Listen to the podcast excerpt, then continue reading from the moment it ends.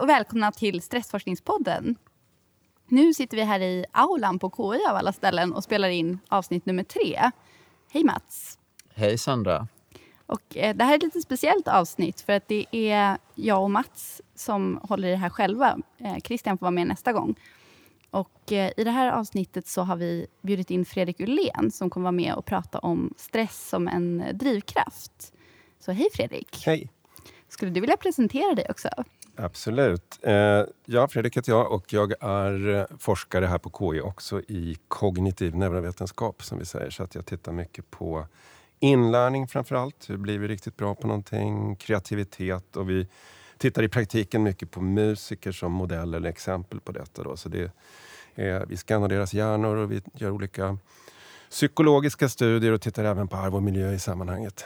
Eh, sen är jag pianist själv också, så det är, det är liksom det andra skälet till att jag håller på med den här forskningslinjen. Just det, så himla kul att du är med. Ja. Eh, vi kanske också ska påminna om vilka vi är. Jag är ju då Sandra som är läkare och eh, forskare och jobbar med sömn. Och Mats Lekander som eh, forskare och eh, ibland känner man sig som administratör. Jag lägger till det. Jag är forskare och psykolog eh, och håller på med immunsystem och hjärna med eh, lite psykologisk behandling av olika typer av ohälsa. Lite sådana saker. Och har ett stort kulturintresse precis som precis som du Sandra och uppenbarligen då också som du Fredrik. Ja visst, vi måste väl säga ändå Mats, att vi är ju faktiskt med i samma lilla centrumbildning, Centrum för kultur, kognition och hälsa här på KI. Ja men det har du alldeles rätt i. Ja.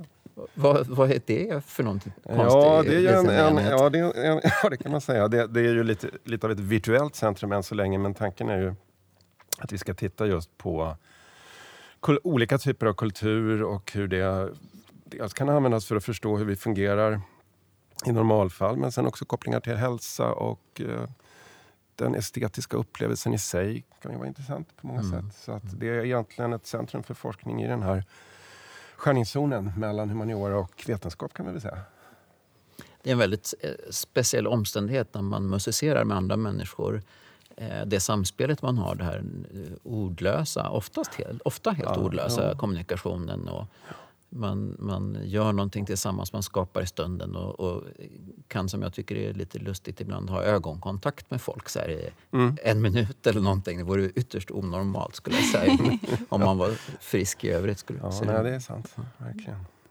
Ja, och vi, vi sitter ju som sagt här i aulan på KI och det här är lite ditt övningsrum kan man säga. Fredrik. Ja, i alla fall här ibland. Och jag var med och valde ut den här fantastiska flygen som vi har. Så det är ja. jätteskoj. Och vi har spelat in här mycket.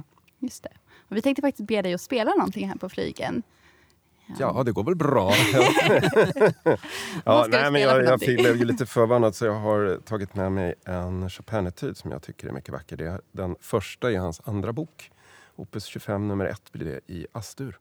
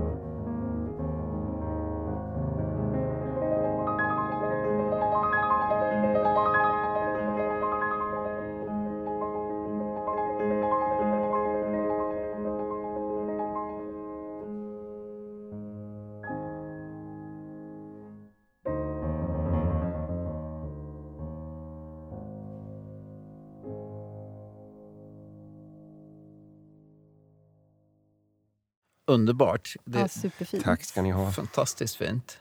Var du stressad när du spelade nu? Ja, vi gjorde ju några tagningar och det här var väl nummer tre tror jag. Så att, eh, då var jag faktiskt eh, lite mindre stressad. Det var väl positiv stress kanske.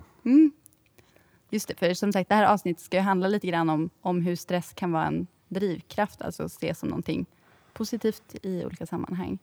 Eh, har du lust att berätta om, om du har någon egen erfarenhet av Av stress? Ja, både det- positiv och negativ stress kanske. Ja, det, det var väl en fet lögn om en musiker och forskare inte hade det. Nej, jo, absolut. Eh, Och eh, jag tycker också att det är som, som du säger, att stress kan vara en, en drivkraft. Och för, för musiken handlar väl det mycket om att man måste vara väl förberedd med marginaler. Det låter ju lite präktigt kanske, men det är faktiskt A och O skulle jag säga. För stress kommer ju alltid ändå. Men då, då kan faktiskt det här påslaget, den här arousaln som det innebär att vara stressad ändå ge en, tycker jag, intensivare upplevelse, starkare fokus äh, än, än om man är lite för avslappnad. Mm. Spelar du bättre då, tror du, när du har det här påslaget? Nej, men jag tror det. Mm. Det är ju... Ja, men det är jag övertygad om. Ja. Ehm, sen- men sen är det ju naturligtvis farligt det får inte gå för långt. Alltså det är ju, musicera är ju, är ju svårt. och, och det är ju, har man en för kraftfull stressrespons så kan ju det ställa till problem naturligtvis. Det vet ju alla musiker. Så därför tycker jag, som sagt, förberedelse är viktigt. att Öva på stycket såklart, men även att man bekantar sig med salen, instrumentet, situationen på något sätt. Det tycker jag är bra förberedelser. Just det. Men jag tänkte på, nu sa du ju faktiskt att du var att, att eh, när du hade gjort några tagningar då var du lite lugnare. Då hade, då, då hade en, en stressreaktion gått ner. Ja. Eller hur? Så var du lite väl uppjagad då i början? Alltså det som var lite störigt med den här situationen var att jag visste att vi ska göra en, ett svep och det går inte att klippa. Och då, då är det, det, det är väl en lite negativ stress. Då, En liten, ett det, litet det är ju sånt som inte spelar roll på en konsert kanske, eller om man Nej, spelar in en det. skiva. Men Nej. jag tyckte att när vi... ehm, ja, det, nej, så därför så blev det lite mer laid back på ett bra sätt tror jag efter ett par tagningar. Men visst är det jättestor skillnad på det där med just liveframträdanden och inspelningar? För att om man går på en livekonsert av något slag så vill man ju gärna se att den som spelar är, är helt inne i det den gör. Och då, Absolut. då kan ju även, då förlåter man ett par toner som inte Ja, är... ja, det, absolut. Det kan ju nästan... Är det för, eh, för perfekt och slipat kan det ju nästan förta effekten Ja. på något sätt tycker jag. live. Men det, är ju- det är ju sen... På gott och ont så har ju eh, inspelningskulturen blivit helt annorlunda. Där vill man ju inte ha några fläckar. Nej. På, och det är en nackdel, tänker du? Nej. Nej. Jag tycker det är okej. Jag skulle inte vilja ha plattor själv när de sitter och spelar fel. Jag gillar när andra spelar fel, men inte när Ja. jag själv spelar fel. Vad är det man säger? Egen framgång är bra men andras motgång är så illa heller. Nej, precis.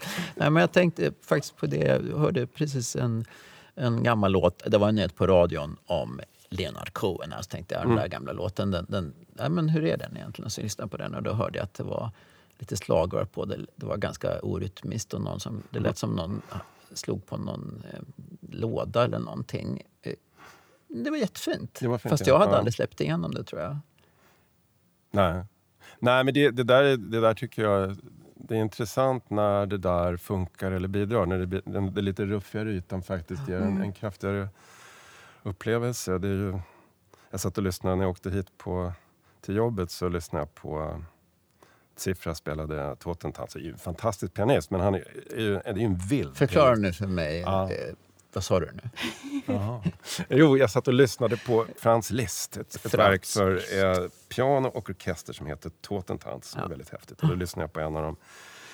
En inspelning med en av de legendariska stora virtuoserna under 1900-talet, Siffra. Och det var en liveinspelning. Och det är klart att det händer lite saker. Och det är dessutom en pianist som, som har en väldig vildhet i sin. Så det är inte Mm. den mest kanske alltid finns. Det är en makalös interpretation. Men, men där fungerar den här lite ibland oborstade ytan. Det bara stärker upplevelsen. Det blir en sån eh, eruption av energi. måste man ha en modig producent också tänka när man spelar in som, som kan säga ja visst spelade du fel och visst var det lite konstigt där men, men Men det var inte, mycket, det var inte, det var inte mycket fel heller. Men det var... Nej. men det var ja. Och hur, förutom att förbereda dig och så vidare har du andra tekniker för att eh, om vi nu tänker oss där att du ska optimera en stressreaktion. Mm. Du vill ha det här livet liksom. Det är ett levande och det, du ska vara tänd liksom, men inte alltför spänd. Det, det enda jag kan säga... Ja, nej, men det, det jag tycker fungerar det är att försöka medvetet lägga fokuset på musiken och hur det låter. Alltså på den, på, på den sensoriska sidan. Hur det mm. känns och hur det låter att Just göra det. musiken så att man inte slösa bort uppmärksamhet på situationen eller det man gör. Eller sådana saker. Och det tycker jag dels hjälper mot negativ stress men det kan mm. också underlätta för att komma in i, i det här psykologiska tillståndet vi kallar för flow som vi kanske kommer in på sen också. Just det. Får du nästan förklara, vad är det här flow? Vad är ja, det? Vad har det med stress att göra? Ja, vad, eh, flow, om vi börjar där då, det är ju en ett psykologiskt tillstånd eller en psykologisk upplevelse kan man väl säga som eh, vi kan hamna i när vi gör någonting aktivt, spelar piano då till exempel. Och det typiska är ju då att man har en hyfsat krävande uppgift men den är inte för lätt eller för svår i förhållande till ens egen förmåga. Så man klarar av det här och det som kan hända då, som de flesta brukar känna igen, det är ju att man blir väldigt fokuserad på den här uppgiften. Man blir nästan absorberad, man blir ett med det man gör och det känns inte ansträngande att upprätthålla den här koncentrationen. Man glömmer sig själv, man observerar inte sig själv utifrån, man kanske glömmer tid och rum lite grann och det här är ett väldigt lyckligt och belönande tillstånd också. Och det, det är då en klassisk flow-upplevelse. Um, som ju är spännande i sig själv kanske, men också för att det, det, finns en hel del studier som, som tyder på att det är kopplat till att vi faktiskt fungerar bra, mer mm. objektivt också. Mm. Och, eh, eh, vi har varit intresserade av många frågor kring flow, men också hur eh, flow kanske kan vara positivt faktiskt för välbefinnande och eh, psykologisk hälsa kan man väl säga. Mm. Det visar sig då att de som har, rapporterar att de har mer flow i livet också rapporterar mindre besvär med sådana saker som nedstämdhet, depressiva symptom, utbrändhetssymptom men också ja, högre livskvalitet, större mening med livet och sådana saker. Så att det eh, verkar kopplat statistiskt i alla fall till att man eh, har, har en, mer, en högre grad av välbefinnande. Då. Mm. Kan man lära sig att hamna i flow? Eller är det någonting som man jag tänker just det här. Ja, jag tycker väl att vissa knep sådär fungerar men um, vi ser ju också att det, det, det finns en variation då såklart i hur mycket folk har. Mm. Och det verkar ju framförallt också bero på personlighet rätt mycket. Men jag tror att eh, situationerna är viktiga då. Att man, eh, inte, att man ser till att man får utmaningar som inte är för svåra. Att man eh, försöker förhindra oönskade avbrott naturligtvis i det man gör. Eh, och kanske då ser till med andra ord att man har ibland i alla fall perioder då man kan jobba fokuserat med en sak mm. utan, att, utan att telefonen ringer eller mejlen plingar och så vidare. Det här med att du säger att man också kan, att man blir bättre, alltså att det är något slags objektivt mått eller andras ja. bedömningar. Kan du förklara, hur går det till? Det vet vi väl egentligen inte så mycket om. Jag ska säga att den litteraturen är inte jättestor heller. Men det, det finns en del sådana studier som till exempel att eh, personer som fick skriva då lite korta litterära texter. Sen så ratades de här av en jury och man bad dem också så att säga berätta om sina flow-upplevelser och då finns det ju standardenkäter för att göra det på ett lite mer systematiskt sätt. Och då såg man att de som var i högre flow eh, skrev då texter som bedömdes som bättre eller mer kreativa. Och det finns andra exempel från idrott, från schackspel har jag för mig och sådana saker. Um, Ja, det, det, är väl lite oklart. Man skulle ju kunna tänka sig att det här flowtillståndet i sig är, är, bra för det vi gör om man är väl, väl förberedd därför att vi inte distraheras, vi lägger inte uppmärksamheten på annat så att säga. Och man kan ju också tänka sig en återkoppling från andra hållet. Alltså att går det bra så är det lättare att hamna i flow än om, än om man får en massa så att säga, felsignaler in i hjärnan. Så att det, det är alltid svårt. Är det reversed causality? Ja, jag tror att vi alltid har krångliga Omvänd. kausala relationer. Det är ja, verkligen. Ja. Men hur är det här? Är, liksom, har man flow själv oftast eller kan man tänka sig att om man mm. spelar tillsammans med andra? Absolut. Ja, det är en bra idé och det har faktiskt gjorts en del studier just på det, gruppflow eller mm. teamflow som, som till, kan uppträda till exempel när man spelar ihop mm. då, eller gör andra aktiviteter av den typen. Och, eh, det liknar väl vanligt flow, men det som möjligen kommer till då, det är inte så stor litteratur än, men det som möjligen kommer till är väl också att man får en känsla av ökad gemenskap och eh, samhörighet mellan de som har det här gruppflowet tillsammans. Så Mm. att, kan man ju spekulera i att det finns någon slags evolutionär poäng med flow där kanske. Att, att det bidrar till den här Ja, till att bygga gruppsammanhållning och gemenskap under musikaliska eller aktiviteter kanske. Mm. Och förhoppningsvis inte då öka misstro mot de som Ja, inte crooks. tillhör den här fina Ja, lilla men gruppen. det, det verkar väl tyvärr troligt att evolutionen inte varit riktigt så schysst. Va? Nej, det brukar väl alltid vara så att man... Det som man- binder ihop den egna gruppen kan också bidra till misstänksamhet och så mot, mot Absolut, om man tittar på musik och dans och sånt så äger väl det så vitt jag vet i naturfolk ofta rum i viktiga situationer just när det gäller att, att, binda samman gruppen. Mm, och det kan vara inför när man ska gå och göra krig med grannbyn till exempel. Så det är klart att, eh, det, är, klart att, att det är troligt att det finns en, en, en uppsida och en nedsida av det. Ja. Har, Sandra, tänker på du som spelar mycket i orkester och, och stråkkvartetter och sånt. Alltså ja. med stråkkvartetter. Har du erfarenhet av det här Ja, men- magiska tillståndet? Ja, men jag tror nog just att jag kanske har det mest i sådana sammanhang när man spelar tillsammans med andra. Mm. Ehm, att just eh, ja, men när man hamnar i det där att man kanske har kommit så pass långt så att man kan verket på ett bra sätt, kan musicera i stunden och känner att man liksom, ja, men en kvartett blir mer än fyra stycken musiker. Just det. Ja. Jo men det är nog sant. Att gruppsituationen i musik är ganska flowskapande. Det, Och tycker de andra likadant sen de pratar om det? Så här. Och kände ni vad häftigt det var? ja, men till och Där från. Mm. och Till och från så tycker jag att det kan vara så. Ibland har man ju helt olika upplevelser av det såklart. mm. Men eh, vid en del tillfällen så har det verkligen lyft sådär. Och man känner att det lyfter tillsammans. Men jag tror att flow är lite, kan vara lite smittsamt sådär i Ja. gruppsituationer Ja, och även vara. smitta Ja, publiken. precis. Alltså, vi har väl en Ja, förmåga att läsa av varandras eh, psykologiska tillstånd. Det är väl något som du är intresserad av Mats? Jag tror att vi kan läsa av flow också. Ja, ja men precis. Jag, Ja. för att, exakt.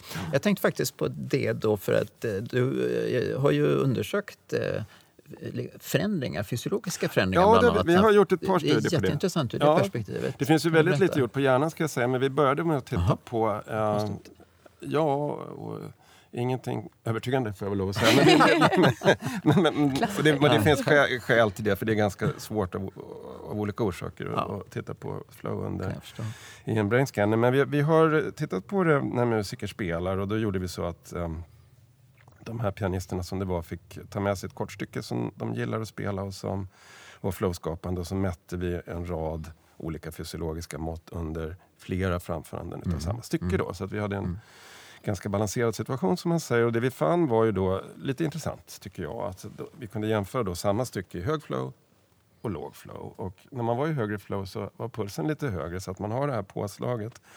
Samtidigt såg vi då till exempel när vi tittade på ansiktsmuskulaturen att man var i ett positivt känslotillstånd. Den här muskeln som man ler med var mer aktiverad. Samtidigt så såg vi inga tecken i den studien på att man rynkade pannan eller spände sig så. Och andningen var då lugn och djup faktiskt under flow. Så att en slags eh, kombination av eh, påslag och avslappning kanske.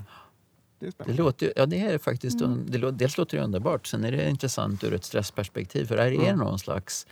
Det är någonting med koncentrationen och det du säger med högre arousal, Mm. alltså någon slags aktiveringsnivå va, i, Ja. i kroppen. eller vad vi ska säga. Samtidigt som det är en positiv emotion som oftast inte förknippas med stress där man oftast menar någonting som är Mm. lite, lite negativt i, Mm. i upplevelsen. Så, att, så att det är, en, är, det, är, det en lagom stark stressreaktion eller ska man snarare se det som att det är en sorts stressreaktion?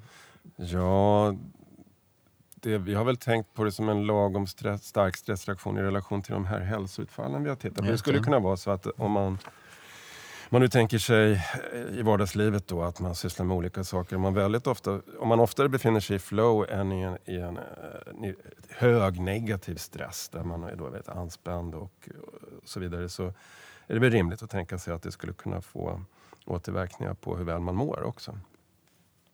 Tycker jag. Det kan man tänka. Och på, hur, hur skulle det gå till då, tänker du dig?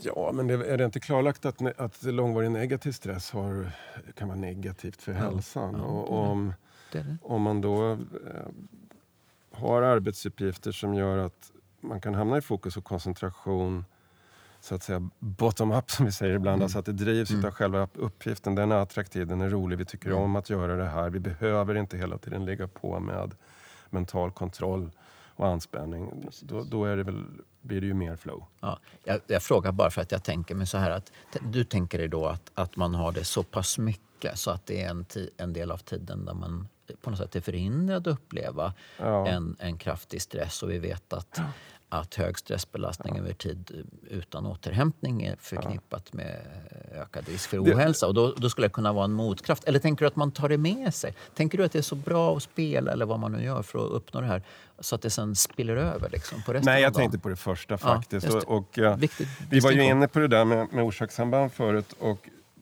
I det här fallet har vi faktiskt grävt lite djupare i det. För vi har tittat på sambandet mellan flow och um, psykologiskt välbefinnande, då, depressiva symptom och utbrändhetssymptom i en stor kort med tvillingar. Och det fina med det är ju då att då kan man faktiskt statistiskt skilja genetiska effekter från resten. Och då är, det är klart att det finns en konstitutionsfaktor med här också. De som, det, det drivs delvis av genetik, så är Ja. det ju. Alltså att ha, är man, har man en tendens att, vara, att ligga och ha en positiv sinnesstämning då upplever man också mer flow. Men vi ser då att det också finns miljöeffekter. Så att även inom paren av enäggstvillingar där, som då har precis samma genetik och även samma uppväxtmiljö så ser vi att den som rapporterar mer flow rapporterar också mindre besvär av den där typen. Så, att, så det är ju... Är det Tydlig- träning då? Förlåt att jag avbryter. Nej, nej. Jag funderar på vad det kommer. Är liksom den här miljöeffekten som du säger, det, har de Ja. behandlats olika? Eller är det just som du var inne på Sandra, att det är liksom en, någonting man lär sig, en färdighet? Ja, det vet vi ju inte från den studien. I tvillingmodellering så blir ju miljön lite abstrakt. Så att säga. Det är det som inte är genetik. Va? Och det kan ju vara egentligen vad som helst som gör att tvillingarna skiljer sig. Men samtidigt är det ju en väldigt eh, rigorös kontroll. Det måste man ju säga. Så jag tyckte ändå att det var ganska slående att man kan se de här effekterna inom tvillingparen.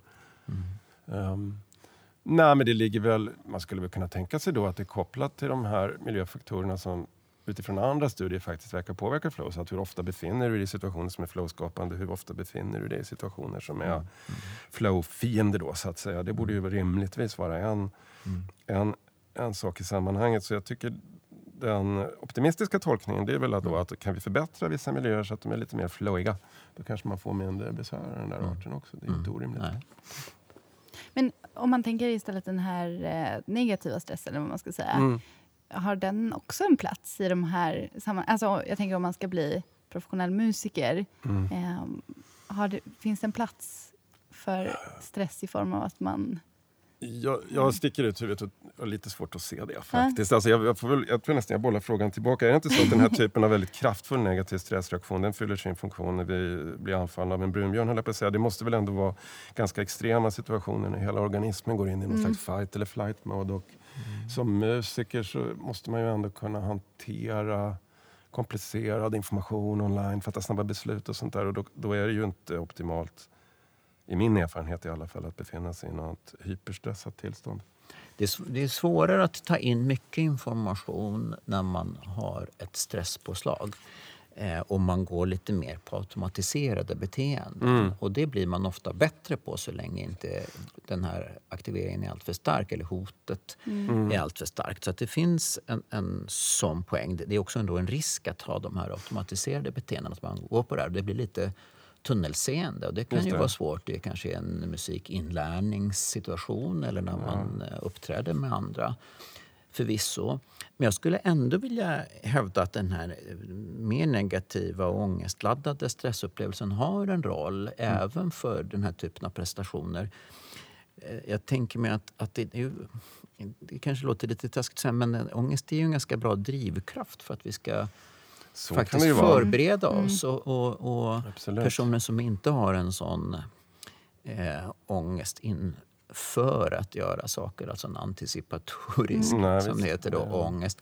De kanske förbereder sig mindre än om ångesten driver på. Mm, att man måste verkligen. vara bra, man måste Mm. vara väl förberedd. Och det är inte särskilt kul att öva då, men man känner att det är ännu obehagligare att faktiskt eh, Mm. inte prestera väl. Så att, Men det köper jag helt. Jag tänkte nog mer i den akuta Ja. konsertsituationen där Ja, man ändå måste reagera på musiken det. på ett flexibelt sätt. Sådär. Men, men att det, det. fungerar bra som drivkraft är ju väl ingen tvekan om. med Nej, eller hur? Och sånt där. Det, Nej. så är det ju. Men, ehm, Det är bra om det inte blir för mycket. Ja. Men eh, nu, jag tänker då, Sandra, du, som, du har ju två egenskaper som, jag tycker, som har just med detta att göra. Hur man ska hantera stress. Dels är du läkare och sen är du dessutom violinist. Och att mm. vara violinist, det förstår vem som helst att det är jätteläskigt och jättesvårt. är det det? Då, alltså, då tar väl du ändå en betablockare för att få lite ordning på fingrarna? Nej, men eh, just nu gör jag inte det. Jag har gjort det en gång. För jag, jag hör ju till de som gick eh, i den här klassiska ryska skolan till och från mm. eh, när jag skulle bli violinist. Då. Och eh, jag hade framförallt en lärare som var väldigt eh, ja, men som gav mig väldigt mycket negativ stress får man mm. säga i det sammanhanget. Mm. Och så var det någon gång i samband med en provspelning som jag sen tyckte hade gått ganska dåligt. Och så berättade jag att ja, jag blev nervös. Varpå hans kommentar var nej men det är inte acceptabelt, det får det inte vara. Eh, så nästa gång får du ta en betablockare. Eh, då gjorde du det? Då gjorde jag det. Mm. Och, eh, alltså jag, för det som hände när jag var nervös var att jag fick det som vi kallar för stråkdarr, alltså att stråken mm. började hoppa lite. Mm. Um, och det gjorde den inte med, med betablockare. Men sen så, sen så bytte jag faktiskt lärare och uh, ja, hittade andra sätt att bli bättre musiker. Så, att, så oron här för att stråken skulle hoppa borde kunna driva att den också hoppar? Ja, verkligen. verkligen. Om man tänker för mycket på det. Ja. Men, och vad, är, vad gör en betablockare då? Om jag nu, eh, som jag föreslog att du kanske tog, men inte, att inte ja, men, alltså, Betablocker är ju, den vanligaste användningen som man har är ju när man behandlar folk som har högt blodtryck eller som ja. har en snabb puls. Och det den gör är att den eh, dämpar vissa delar av, av stressresponsen rent fysiologiskt.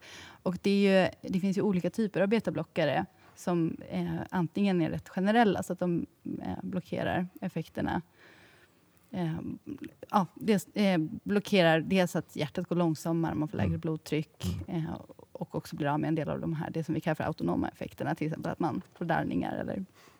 sådär. Eh, och sen så finns det de som är lite mer smala, som bara går på vissa av de här systemen. Ehm, men så att, generellt sett så får man en minskning av den fysiologiska stressresponsen, mm. kan man säga, mm. Eh, när man tar dem och alkohol då? Jag tänker mig så här om... Jag, jag tänker att man kan tänka sig ett falskt flow. Om jag får spekulera här. Alltså ja. ett sätt att hantera oro.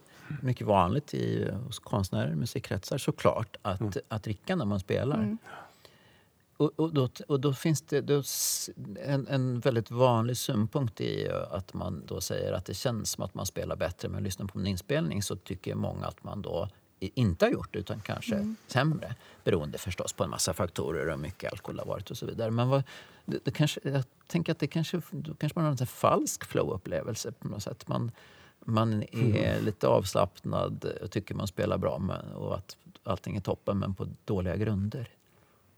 Så skulle det kunna vara, men menar, eftersom flow är en upplevelse så vet, är det lite svårt att tala om ja, vad bra svar. skillnaden mellan ja. illusion och verklighet, höll jag på att säga. Ja. Men, eh, men jag, jag vet, jag vet mm. inte. Det är precis som du säger och det, är så, så det, det, brukar låta. Men det, det, det, är väl inte otänkbart att, att någon skulle kunna spela bättre än en liten mängd alkohol, det kan jag väl tänka mig. Det är men inget jag ägnat mig åt. Men... men finns det inte såna tester på lite alla möjliga mm. funktioner? Alltså inte just bara spelande. Men att Förlåt, efter, finns det inte en del data på det där att om man har druckit ungefär ett halvt glas vin så kan man bli mer skärpt på en del uh, olika typer Aha. av uppgifter. Liksom. Och det borde ju kunna inbegripa det tror jag det gör, musicerande också. Men uh, mm. sen är det kanske inte en långvar, långvarigt hållbar strategi. Mm. Mm. Jag kommer från en annan musiktradition och det är jättevanligt med, med alkohol. Att inte mycket, men att det liksom är en del av mm. det. Mm. Säkert inte bra. I, i jazzen då? Men, ja, eller i ja, annan.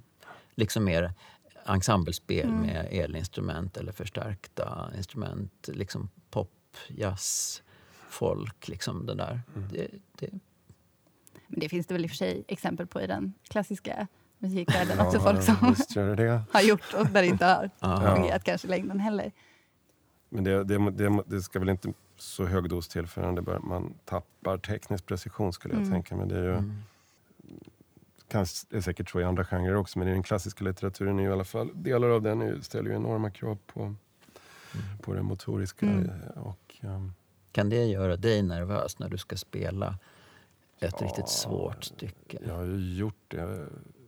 Av någon anledning har jag spelat mycket komplicerade saker. Berätta om en skräcksituation. En skräcksituation? Mm. Ja, nej, jag vet om det. Påslaget är bara för stort. Ja, alltså det, det, är klart jag har varit med om en ganska krävande situation. Jag spelade alla Ligetis pianotid i New York, kommer jag ihåg. Men då hade jag förberett mig ordentligt. Så, att, så jag skulle inte kalla det för... Nej, det var en härlig dag. men, men det är klart att jag var, man är nervös innan. Va? Men, men det där är ju intressant också. På något sätt så vet ju vet ju gärna när man har förberett sig nog mycket. Det är ju så tydligt redan ganska långt innan en konsert om det, om det är positiv stress mm. eller negativ ja. stress. Och, ja, det, det gäller att ha marginalen. Vi kan inte få höra några takter från någonting riktigt svårt. Jag, jag försöker nu här i, i, i, i live frammana ja, någonting bes, är inte så besvärligt enkel, alltså, läge. Men jag förstår.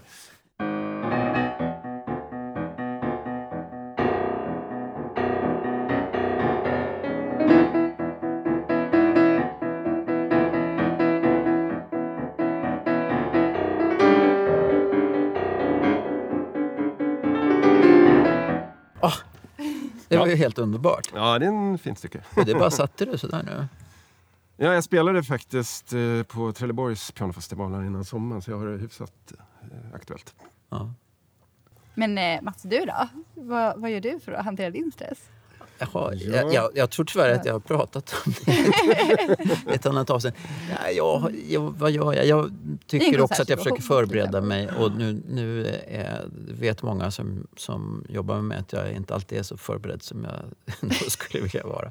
Men jag tycker förberedelse är A och O, faktiskt. Jag, jag försöker också att inte vara för Eh, för rädd för att må lite dåligt. Och det, det är lättare sagt än gjort. Men jag tänker mm. att, att det som är att man är riktigt uppjagad eller man mm. sover lite mindre. Jag, jag, jag, för, jag, försöker att mm.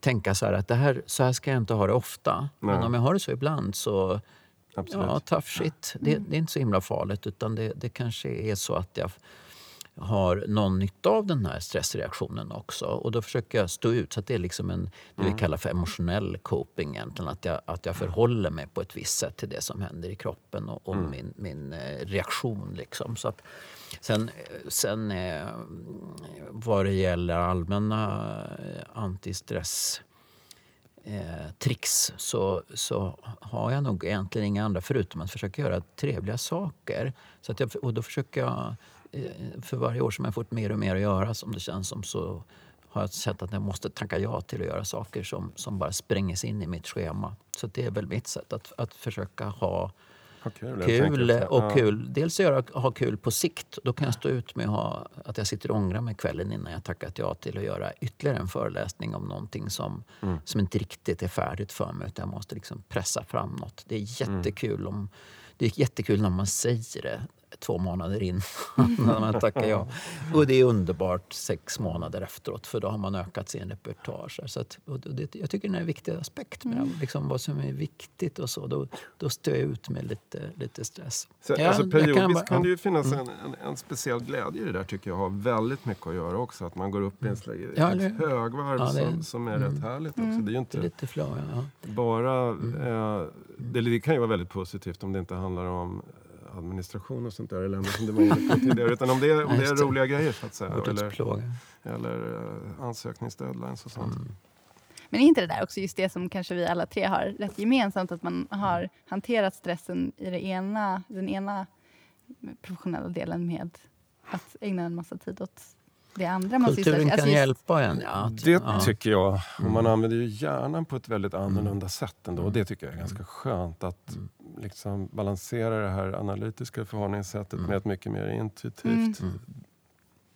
Jag hade för någon vecka sedan, för att då gå in på, eftersom ni frågar om det personliga så, så är det inte bara rosenrött. Utan för någon vecka sedan så kände jag bara som att jag hade någon järnhjälm på mig. Liksom en för trång mössa. Och och jag, tyckte, och jag tänkte på mina att göra listor och deadlines och olika saker. Jag tyckte det var helt mm. jävla, om ni ursäktar, oöverstigligt. Mm. Och, och då, jag kände en sån tydlig punkt där. Liksom, så, nej, där är gränsen. Så här kan jag inte hålla på. Därför att där, det, mm. det, kan inte vara hälsosamt för mig. Och där tror jag att för min del att jag hade den där mm. att jag kan hålla på ganska mycket. Mm. Jag tycker det är lite kul. Jag står ut med lite obehag. Men sen kommer mm. någon läge när jag bara känner att jag inte kan tänka. Att jag bara glömmer för mycket saker. Så ja, det här, det när man får spänna då vet jag inte vad jag ska göra. Ja, precis, exakt, ja. Då vet jag inte vad jag ska göra. Jag, jag väntar, jag försöker sova eller göra något annat. Men, men i övrigt så har jag, jag är dålig på att hantera mm. det där. Mm. Inga magiska trick. Nej, men där är det väl viktigt att vara lite lyhörd också så att man inte pushar på ännu mer i det läget. Ja, ja faktiskt. För, för det, det får vi väl ändå gissa, eh, delvis ur ett evolutionärt perspektiv, att de här eh, signalerna från kroppen som hjärnan ägnar så otroligt mycket kraft åt att förstå och som mm. också kan bidra till att man slutar göra saker. Alltså att man känner sig sjuk och trött. Det är ju tydliga signaler om att man ska dra ner på tempot. Jo. Och det har antagligen varit en stark överlevnadsfördel för våra förfäder som nu ropar hallå liksom in oss här. Mm. ja, nej, det Ta det lite lugnt. Men, men, men, men hur ska man se på det där med just unga personer till exempel som, som man vill ska spela instrument, om man nu ska vara så mm. konkret. Det är ju, jag tycker ofta man får frågor så här, men hur ska jag få mm. min 14-åriga dotter att fortsätta spela fiol mm. ända tills hon blir vuxen. För där är det väldigt mycket mm. det där att de har jättemycket ja. att göra och sen samtidigt en massa extra press och sen eh, ja, vet man ändå att i slutändan kanske mm. skulle vara bra eh, om de fortsätter. Jag vet inte om det finns något enkelt svar på det. För jag tror att man måste ändå, Det beror lite på vilka personer mm. man har att göra med. För det är klart att spela ett instrument är ju en sån där aktivitet att, tycker jag, då, kräver faktiskt en viss insats innan det blir något nöje och mm. flow och meningsfullt med det. Så att man kan inte förvänta sig snabba belöningar hela med tiden med det. Mm. Och det, det, kan väl också kanske vara en nytta med att spela ett instrument, att man lär sig jobba lite långsiktigt. Men har man gett en chans på allvar och gjort mm. det och det ändå inte tar skruv, så att säga, att det inte är någonting som den här ungdomen vill hålla på med, då är det ju så, mm. tänker jag. Man kan ju, jag tänker på hur man uppfostrar sina, mina, sina barn. Så har man ju, tycker jag, en väldigt svår avvägning i hur mycket man ska dra fram dem så att hjälpa dem att gå igenom en tråkig träning eller någonting för att få en belöning senare. Och utan att göra det så mycket som man faktiskt har ihjäl deras inre motivation. För mm. det är mm. också ganska lätt hänt tycker jag att, man, att, man, mm. att de inte gör alls för sin egen skull utan mm. att de gör det för föräldrarnas skull. Jättesvår avvägning. Mm. Det är knäppt. Jag har en sak som jag tänker på apropå det här vi har diskuterat lite grann med eh, eh, någon slags optimal eh, uppvarvning och att det finns positiva aspekter med stressresponsen som tillgängliggör energi som för övrigt måste vara användbar för hjärnan också, eller hur Fredrik? Ja, det. Jag menar, vid fri, när, I stressresponsen så till, handlar det om att frigöra energi. Mm, och eh, hjärnan är en stor konsument av energi. Det är inte bara musklerna mm. och springa från den här prototypiska björnen utan det är också att vara eh, skärpt och att vara optimal och så vidare. Men eh, när vi eh, när vi har den här stressreaktionen, och nu tänker jag tillbaka igen på dig med dina första tagningar där. Mm. Eh, det, det, har kommit en, en väldigt stark eh, rörelse där man har försökt att motverka den, eh, den nästan överdrivet stora rädslan som kan finnas mot en akut stressreaktion. Mm. För i, i rimlig omfattning är ju en akut stressreaktion inte farlig eller hur Sandra, för en mm. normal mm. frisk mm. Eh, personen eller vad vi ska säga. Så då, då är det en del av, av, av livet. Eh, men eh, eftersom många människor tycker att det är direkt negativt och är lite rädda för att hjärtat slår och mm. att man ska höra att rösten darrar mm. och de här sakerna. Då är det så negativt så att, mm. så att det blir en, en, en, negativ spiral av det. Och då har man gjort så att man har, eh, man har eh, utbildat personer om det adaptiva, alltså det kan vi säga nyttiga kanske, mm. i en, en, en uppvarvning. Och att det här är naturens sätt att optimera och tillgängliggöra energi och, och bla bla bla. Och då har man också sett lite på det okay. sättet som du sa, att prestationen har har förbättrats. Så att en, en, inställning också till själva stressreaktionen kan man ha som en del mm. av sitt, sitt mm. sätt att hantera stress. Inte att man ska trycka bort den utan att man lite grann liksom för att använda någon slags 70-tals mm. uttryck säger hej.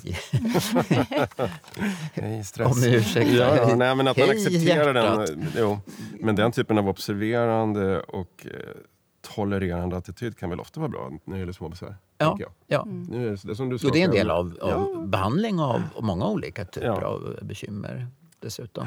Men är det inte också just det här att vi på något sätt tycker det är helt självklart att vi har en stressreaktion när vi springer till tunnelbanan eller något sånt där. Medan att vi på något sätt tycker att det är konstigt om vi får en stressreaktion medan vi står och pratar inför en grupp människor. Att, Just det. För det är ju ingen som skulle komma på tanken att försöka blockera sin stressreaktion när man har bråttom till tunnelbanan. Nej. Men det är ju, ja, precis. Men det, är väl, men det är väl den sociala biten där att man ser framför sig någon genomklappning, att man Ja. skämmer ut sig. Ja, exakt, det är väl exakt, det det handlar om. Ja, det är det. Och, och det vet vi också. Social utvärdering är en väldigt stark stressor. Eh, man eh, vet det från mängder med mm, experiment på människor. Mm. Eh, och, och där just den här komponenten är väldigt effektiv för att sätta fart på kortisolsystemet inte minst. Så- Just det, så som vi den- pratade med Andreas om i första det är avsnittet. precis det hotet är effektivt för oss helt Mm. enkelt. Det sociala hotet, ja. Precis Andreas Gerhardsson pratade om Ja, year social stress test. Att, och det, man ser det även i djurförsök eh, försök att, att social stress är effektivt för att eh, eh, i- i- påverka dem starkt helt enkelt. Även hjärnan påverkas starkt av långvarig social stress som nästan kan vara värre för dem än andra typer av obehag. Mm, ja.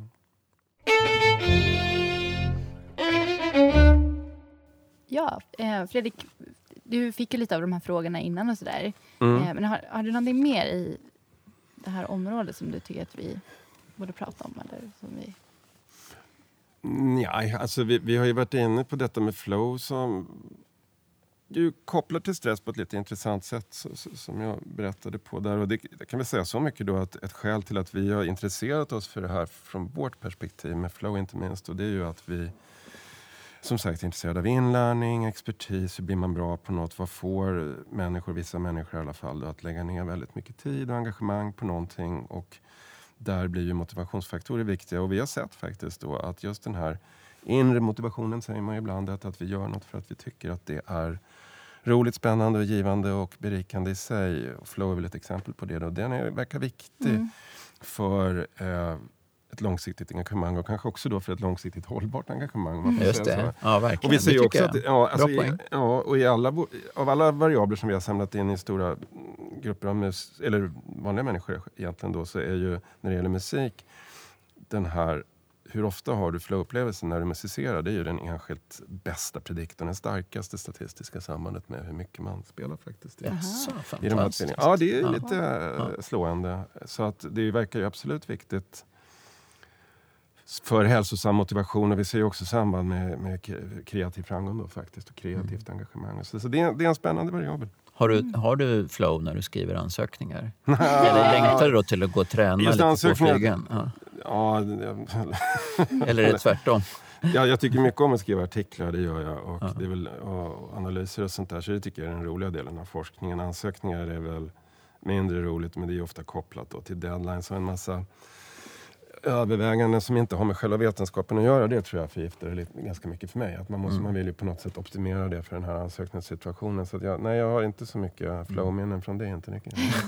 Det vore- Tvingar du dig när, när du är väldigt starkt stressad för, för din forskning eller för ansökningar och deadlines, tvingar du dig att gå och öva då? Eller är det hoppar över att öva på flygen? Alltså, nja, jag hoppar över. Alltså, det är klart att det livet som jag har haft nu i många år det bygger på, på att man har den flexibiliteten att, att dagarna kan se lite olika ut beroende på vilken deadline som ligger närmast. Då, så att säga. Så att, ja, nej, men det är klart, om det är en ansökningsdeadline så hinner man inte med något annat. Nej, Så är det bara.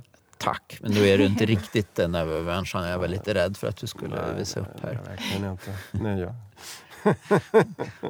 Men då tror jag vi tackar dig. Stort tack Ja, det var Fredrik kul att vara med. Ullén för musik och för att du delade med dig av dina kunskaper och Tack lite själva. av din värld som vi fick titta in i. Okej.